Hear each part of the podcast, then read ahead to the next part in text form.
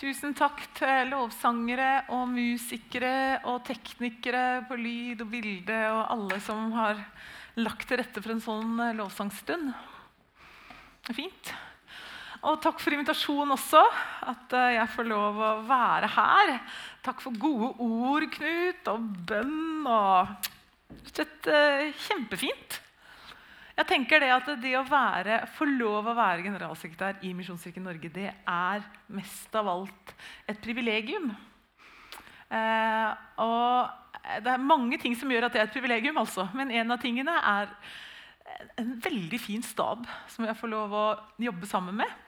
Og altså, det, jeg på, det er faktisk det er Veldig flaut hvis det er flere, men det er i alle fall to fra denne menigheten som er kjempeviktige i vår stab i henholdsvis internasjonal og nasjonal avdeling. Vi har jo Naomi Curven, som vi har eh, som born and raised here. Uh, og vi har Kjell Birkeland, som er menighetsrådgiver.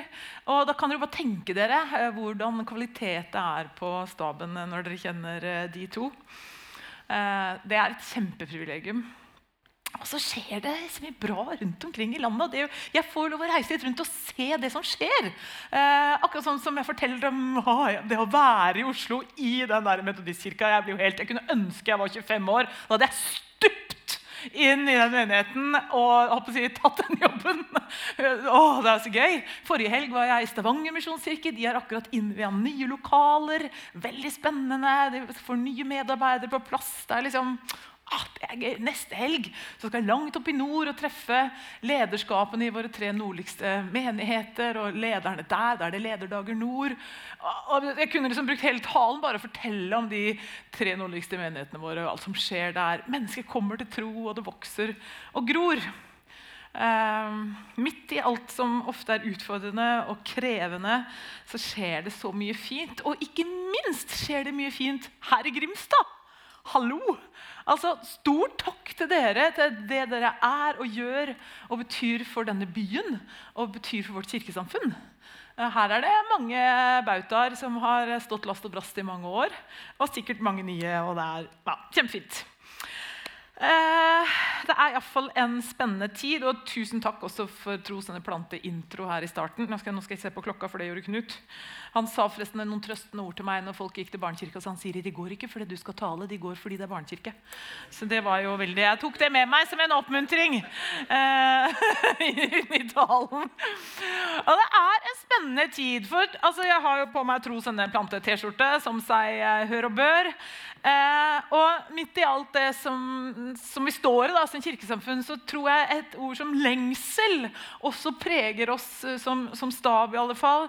At vi lengter etter at tro sende plante skal være mer enn bare noen ord, og at det skal være mer enn strategiplanen til Misjonskirken Norge, men at det skal være noe som, som faktisk skaper et skyv og skaper en bevegelse, sånn at vi får se flere mennesker komme til tro, sånn at vi får sende flere medarbeidere, sånn at alle skal se seg selv som sendt, og sånn at vi får planta mange nye eh, fellesskap rundt omkring i landet vårt.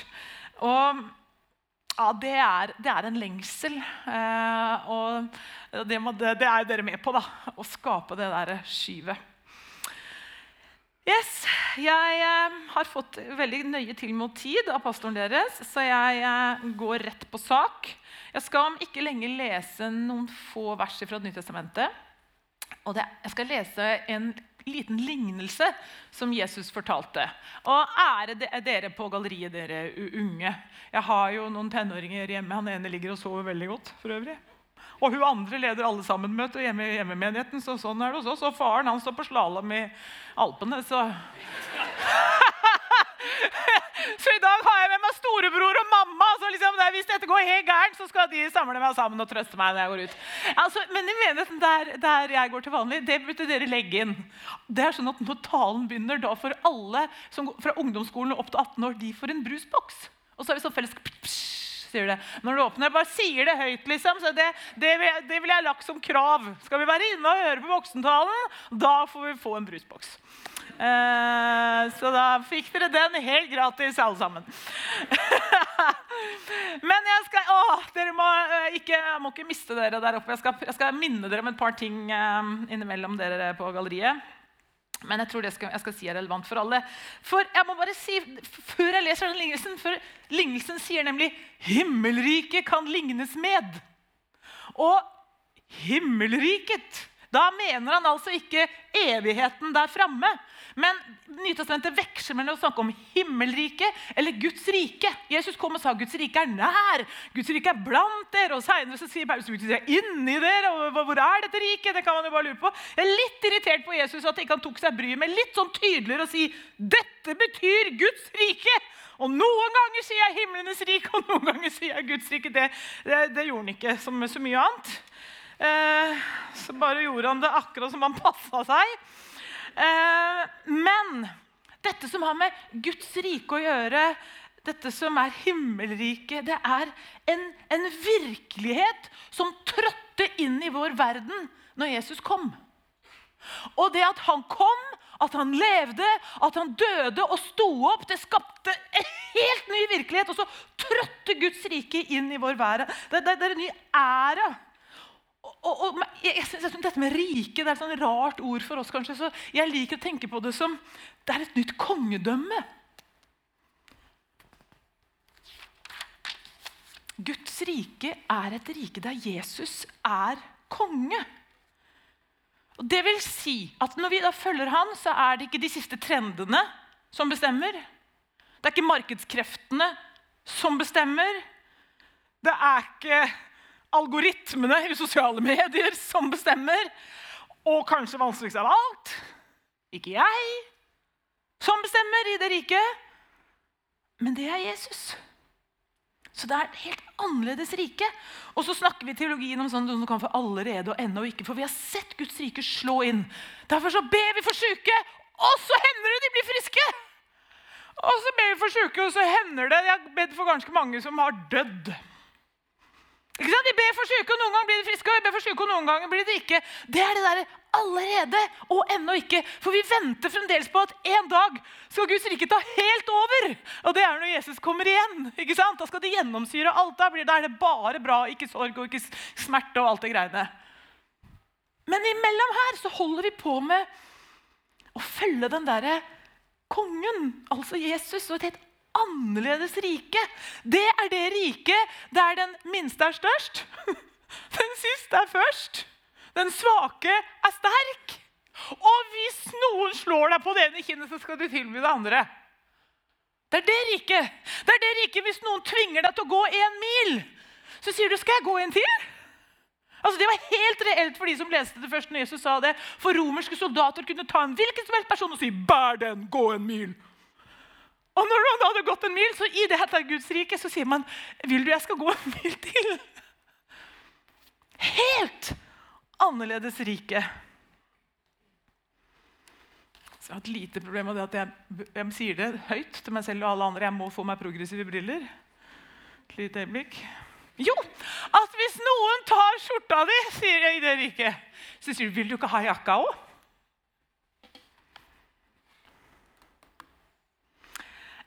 Er en illustrasjon jeg bruker mange ganger, men jeg, er, jeg, blir liksom ikke helt ferdig med det. Jeg bruker hendene mine på å symbolisere to forskjellige riker. Hvis dette er mitt rike, og så har vi Guds rike. Her er på en måte jeg konge. Der er han konge. Og så snakker vi så mange ganger om å ta imot Jesus. Og det er helt sant. begge illustrasjonene er riktige. At jeg tar imot Jesus Kristus som min frelse, så flytter han inn i mitt liv og forandrer meg innenfra. Det er jo fantastisk. Men det kan fort bli sånn Jesus, du kan få det hjørnet ned til venstre. Og det gjelder på søndager og annenhver torsdag når det er cellegruppe. Ellers gjør jeg som jeg vil. Men hvis vi tenker at dette er Guds rike, og så sier han vil du være med i mitt rike. Her er det jeg som bestemmer, men det er også jeg som tar ansvaret. Vil du følge meg inn i et helt nytt altså, Skjønner du? Det er liksom forskjellige måter å tenke på. Uh, og jeg liker jo, altså jeg tror, uh, ja takk, takk og lov at han har kommet inn i mitt liv. Men det er veldig spennende å reise og få lov å prøve å følge etter han også. da veldig, altså dette, Nå prøver jeg å si på noen få minutter Jeg ble helt nervøs når menighetsrådgiveren sitter her og hører på. Eh, på noen få minutter noe om Guds rike som kunne vært 17 forelesninger på teologisk seminar. ikke sant? Men bare for å gi en liten sånn derre Himmelrike, Guds rike. Det som slo inn med Jesus, det er det lignelsen eh, begynner med. Og den kommer på skjerm bare helt i tilfelle du mot formodning ikke skulle ha med deg Bibelen. Det har du jo selvfølgelig på gudstjeneste. Men hvis du skulle ha glippa akkurat i dag, så kommer jeg på skjerm, og så leser jeg Jesu navn fra Matteus 13, 44, 45 og 46. Henger dere med meg fremdeles, dere som er under 18, eller?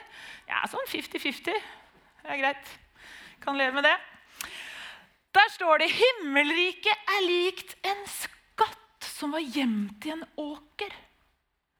En mann fant den, dekket den til igjen, og i sin glede gikk han bort og solgte alt han eide, og kjøpte åkeren. Himmelriket er også likt en kjøpmann som lette etter fine perler.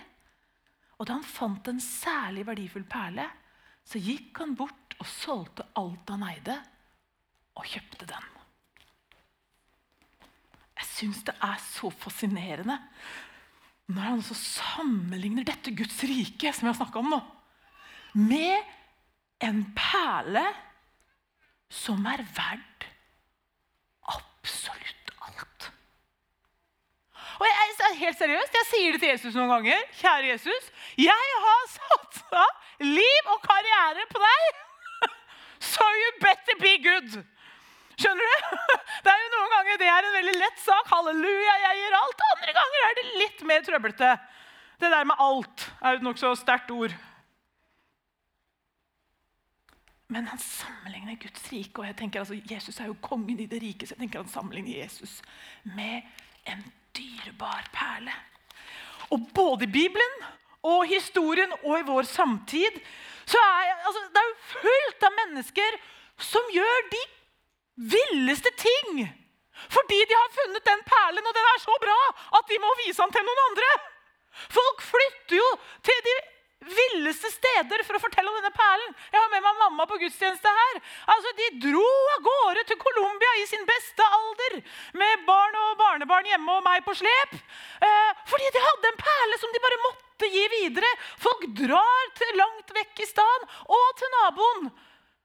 Og noen tar luselønn. De kunne tjent mye mer, men perle er så mye mer verdt.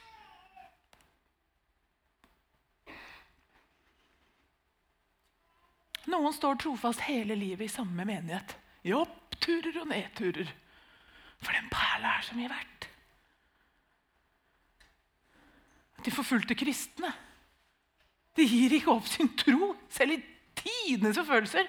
For den perla ja, Det er en eller annen verdi der som ikke de kan slippe. Jeg vet ikke om noen av dere har hørt om Edin eh, Løvaas. Mange av dere har det. Han var så nærme man kommer en guru i Misjonskirka Norge og i kristenheten generelt.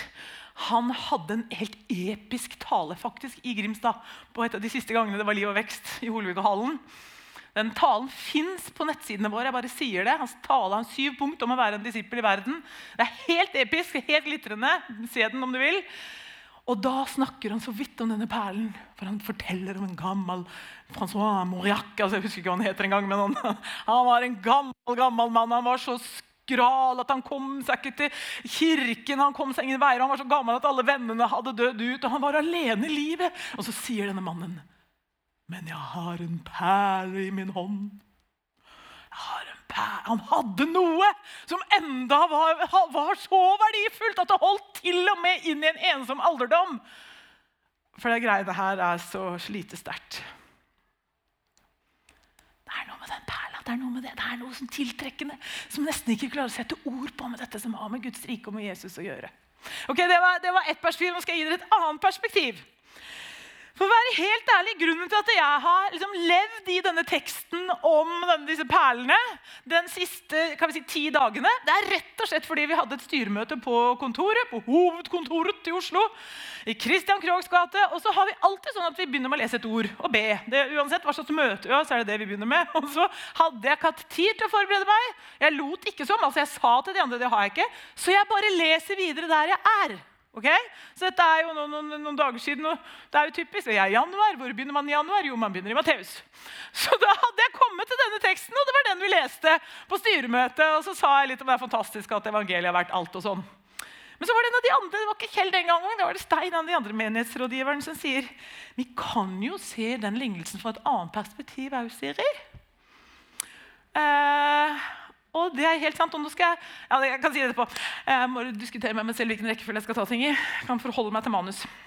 Eh, og det er det at i denne lignelsen kan Jesus være mannen som leter.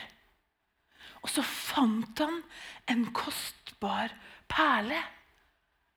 Og hvem var det? Det var deg. Og det var meg. Han fant menneskeheten. Og så tenkte jeg at disse Du er så viktig at jeg gir alt for å vinne deg. Og er det noe som er en dyp bibelsk sannhet, så er det i alle fall det. Hvis vi går til Filippebrevet 2, Filippebrevshymnen som er så kjent, at han var i himmelen og hadde det helt strålende, og så ydmyket han selv først som, Ikke bare at han ble menneske, men han, han døde. altså Han gikk så lavt det gikk an å komme. Han ga alt! Ga avkall på alt! Han ble født som en hjelpeløs baby for å vinne deg. Fordi du er den verdifulle perla. Kjære dere på galleriet. hvis dere, dere kan glemme hele talen, men bare følg med nå et lite sekund. For det er så mye som vil fortelle deg at du må være sånn og sånn og sånn og ditt og datt. Og så, så mange Lois-bukser og ikke vet jeg. Men du er en helt utrolig verdifull perle som Jesus har gjort alt for å få tak i. Og det gjelder faktisk alle oss andre i rommet også. Jeg har en, eh, jeg har en søster som er noen år eldre enn meg, som gikk på Ansgarskolen syv år før meg. Og, så, og, og, Historien forteller at de hadde sånn presentasjonsrunde. Og da sa de liksom de forskjellige Ja, jeg kommer fra Grimstad, det er Sørlandets perle. ikke sant? Men så var det jo noen som kom fra Lillesand, og det var jo Sørlandets perle. Og så var det noen som kom fra Kristiansand, og det var Sørlandets perle. Og så kommer Wenche, vi er jo født og oppvokst i Nissedal, da, så sa jeg jeg heter Wenche, og jeg er Nissedals perle. sa hun.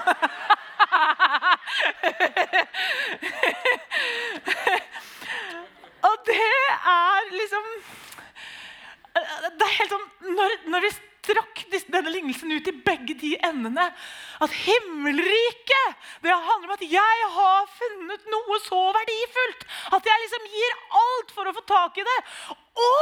Jeg er funnet og er så verdifull at noen har gitt alt for å få tak i meg! Da, du, da føler jeg vi har alt for tid og evighet. altså. Jeg vet at vi er på Sørlandet med et lite sånn Amen. Det hadde jeg tålt. Parentes. Jeg skal ha to parenteser. Nå kommer den første. Bibelsamtale. Altså, det er noe jeg oppdaga når jeg ble generalsekretær i Misjonsstyrken Norge. for det er de veldig flinke til i staben. Det var egentlig litt sånn nytt for meg. Jeg er så vant til at Hvis vi skal begynne med noe, så begynner vi med bønn og lovsang. Og det er fantastisk. Jeg har ikke tenkt å slutte med. Men like ofte så begynner de med en bibelsamtale. Og det fungerer sånn. Vi leser en tekst.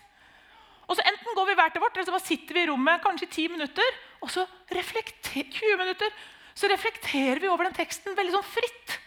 Hva var det som traff meg? Hva irriterte meg? Hva berørte meg? Hva lurer jeg på? Hva inspirerte meg? Og så møtes vi igjen og så tar vi bare en runde, og så deler alle hva de fikk ut av den teksten. Og For meg har det bare gitt så liv til Bibelen. Og jeg tror at noen ganger så har vi i vår pietistiske kultur gjort en liten synd mot enkeltmennesket. noen ganger at å, jeg må lese folk, så går vi rundt med alle disse, Selvfølgelig skal vi lese Bibelen, så jeg sier ikke at ikke vi skal det, men jeg har så tro på å lese den sammen med andre. Du kan gjøre det med hvem dere ungdommer òg. Møtes, les én gang, to ganger kanskje. Les det hver for seg. Og, så er det ikke sånn at du da må ha noe fasit. Du kan komme tilbake med 17 spørsmål. Det er sånn så utrolig lite også, at vi også har en sånn forventning. Nå åpner jeg Bibelen. Da skal ånden strømme.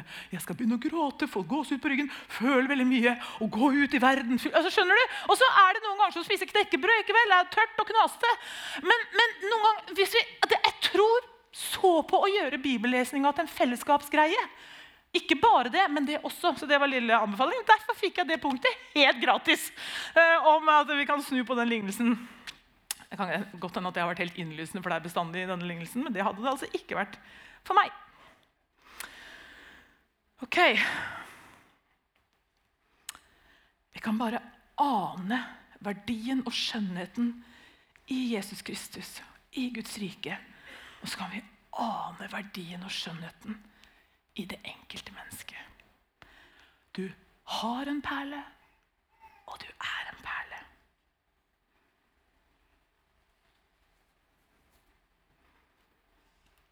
Ok. I dette annerledesriket som han snakker om, som vi, vi, vi så vidt aner konturene av Det, det riket er prega av noen verdier.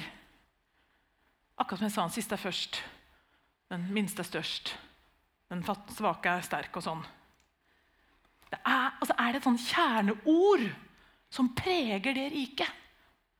Og som preger oss som troende, preger, skal prege, som preger kirken.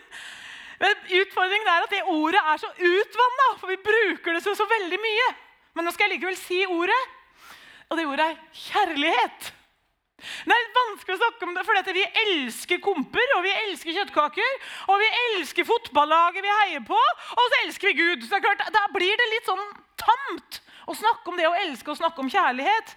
Um, kjærlighet altså blir helt sånn, kan bli sånn rosenrødt på en måte. Derfor er det så viktig at vi hele tida vender tilbake til Boki for å kalibrere eh, oss og stadig bli minne om hva kjærlighet egentlig er. For det står det ganske mye om. Og så er det en tekst i, eh, Det er to tekster jeg skal få i dag. når jeg har fått en i lignelsen, Så kommer det en fra litt eh, lenger ute i Bibelen. i første Korinterbrev. For det er en tekst som ofte blir lest i brylluper. Og Det er første Korinterbrev 13 om kjærligheten. Og den, liksom, den, kan liksom trekkes fram hvis det er mange som ikke tror til stede, for den er liksom så snill og ikke så farlig. Og den, den er fin, liksom. Men egentlig så er den helt rå når den beskriver hva kjærlighet er. Og så fikk jeg øynene litt opp for det her eh, i min forberedelse. Og her kommer parentes to før dere får den teksten. Jeg har kjøpt meg denne her.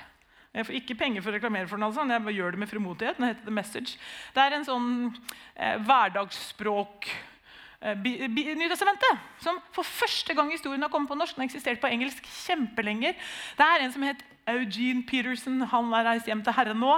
Han var først jobba eh, som teologisk lærer i mange år, og så var han eh, lokalpastor 40 eh, eller 50 år i samme menighet. eller sånt. Og så sa han min jobb har hele tida vært å binde sammen disse to verdenene. Den verdenen som er i Bibelen, og den verdenen som er nå, og finne ord for det. Og så har han altså gjort det med hele, hele Bibelen, men det er Nytestamentet som har kommet på norsk. Og jeg har begynt å lese den. Og, og det, det, er for deg som har lest det mange ganger For Du har hørt det så mange ganger før. Du kan liksom ordlyden i det. Og så går det litt inflasjon i det. Eller at du bare har mista helt motet på det, for du skjønner ingenting. Jeg bare anbefaler den. Det var så vakkert. Og nå skal dere få første kor 13 i denne språktrakten. Om den, eh, den skal komme på skjerm, ikke sant? Ja. Uh, og da kan man tenke på det med kjærligheten at den er, den er rå, på en måte. Det er, passer ikke bare i bryllup. 13. Er dere med meg? Skal vi lese det sammen? Kjærligheten gir aldri opp. Kjærligheten bryr seg mer om andre enn seg selv. Kjærligheten misunner ikke andre det de har. Kjærligheten går ikke med nesa i været. Har ikke et oppblåst ego. Tvinger seg ikke på andre. Er ikke alltid meg først. Flyr ikke i taket. Holder ikke regnskap over andres synder. Gleder seg ikke over å se andre krype. Gleder seg over å se sannheten blomstre. Tåler hva som helst stoler alltid på Gud, ser alltid håp i mørket, ser seg aldri tilbake, men holder ut helt til slutt.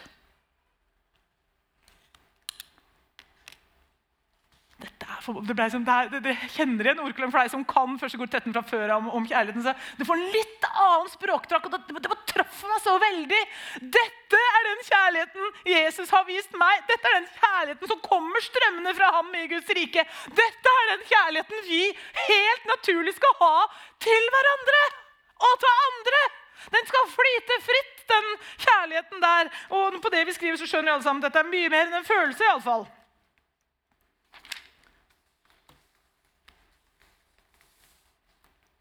Og jeg tenker Når jeg leser disse ordene her, så er det på den ene sida fordi jeg er perlen som er funnet.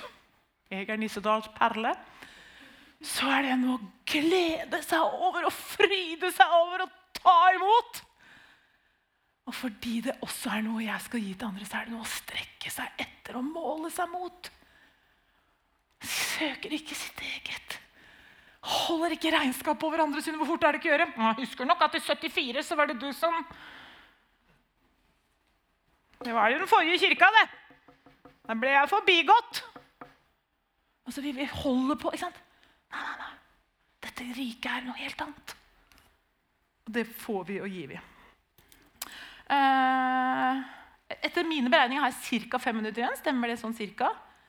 Null stress. Vi stresser. Jeg stresser ikke. Jeg er bare veldig ivrig.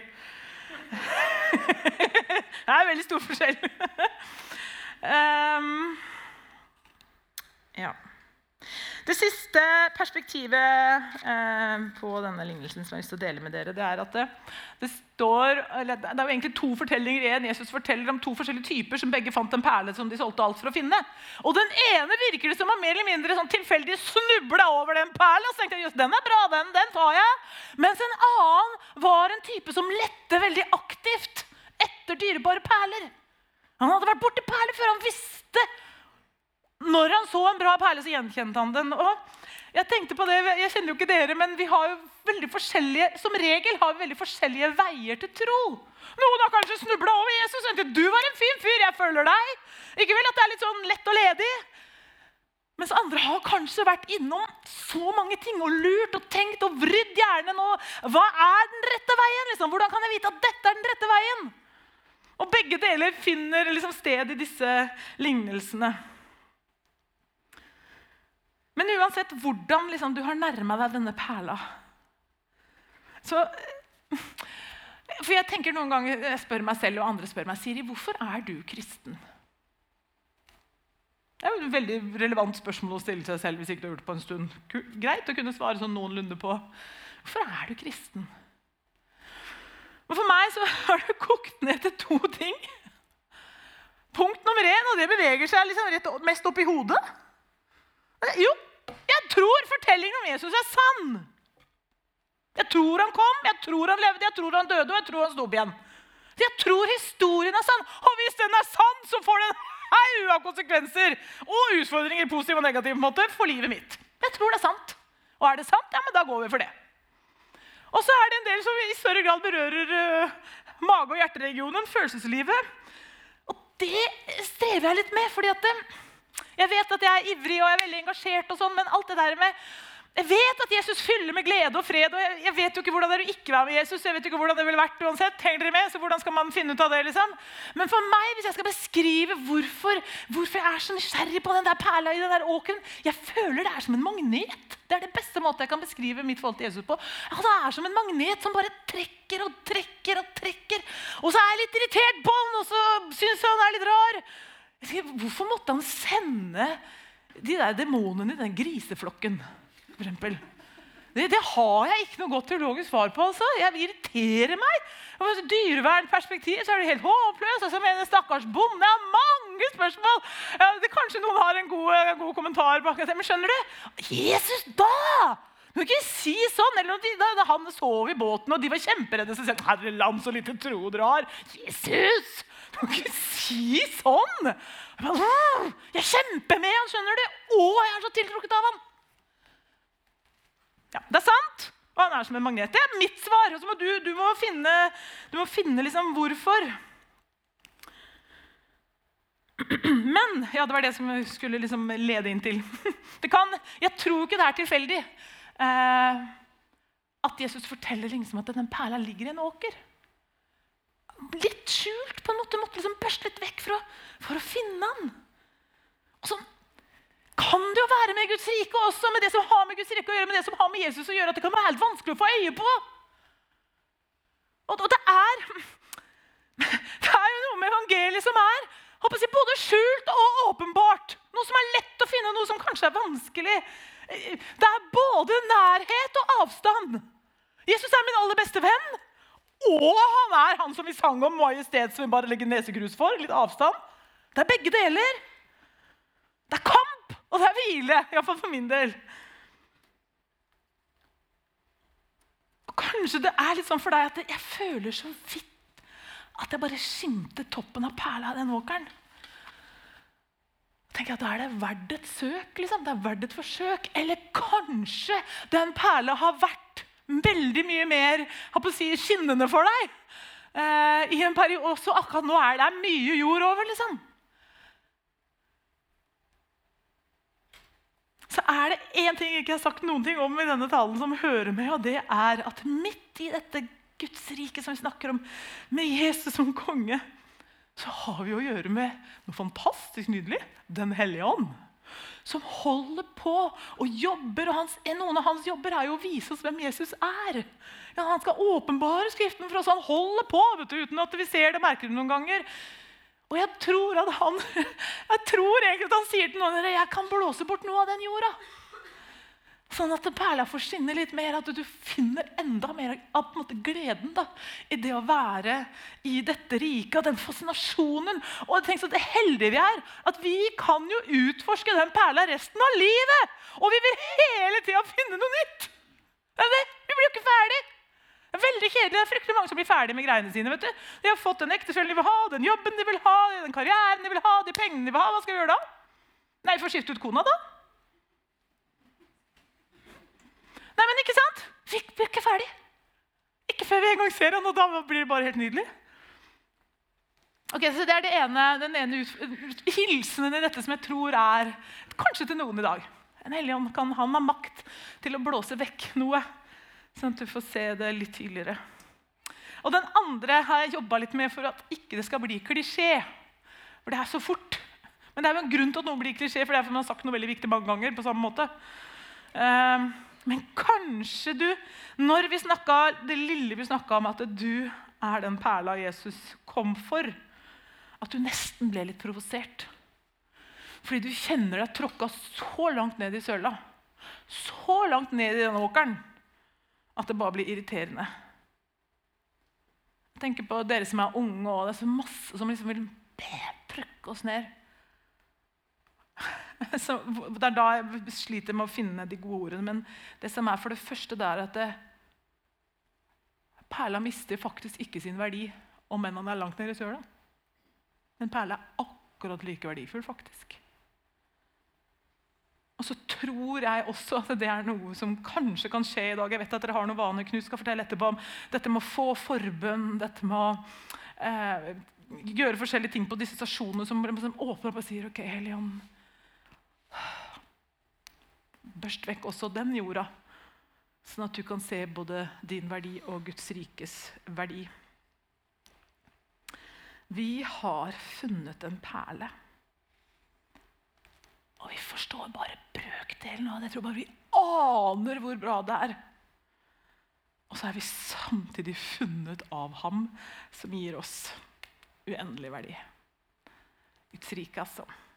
Det er bra greier. Skal vi be sammen?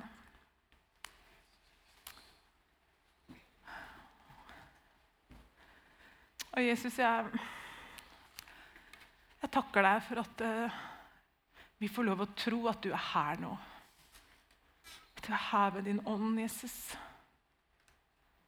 Og Jesus, Jeg ber deg så inderlig for oss alle sammen. Du vet åssen forhold vi har til deg og til det å følge deg. Og du vet åssen forhold vi har til oss sjøl, Jesus.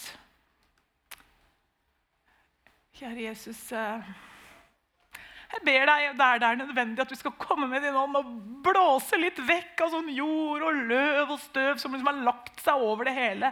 Sånn at det kan bli fritt og godt, og vi kan puste både i vårt forhold til deg og til oss sjøl, Jesus. Takk at vi får lov å leve i ditt rike. Takk at vi får lov å følge den aller beste kongen. Takk at du er helt uten sidestykke. Takk at vi får lov å utforske deg hele livet, Jesus. Og Jesus, jeg ber deg om at du skal lede den enkelte av oss fra der vi er, til sesonger hvor vi ser nye sider av deg, nye sider av det å følge deg. Jeg takker deg, Jesus, at vi skal få lov å følge deg helt til vi er hjemme. Og da skal vi se deg helt som du er. Da skal vi få full oversikt. Jeg takker deg for det, Jesus. Og så ber jeg deg for de minuttene som vi har nå, Jesus, hvor, hvor det er mulig å få forbund og alle disse tingene. Jeg ber deg om at, eh, at du skal virke med din ånd. Gjør det du vil blant oss, og gi oss det, ben. Amen.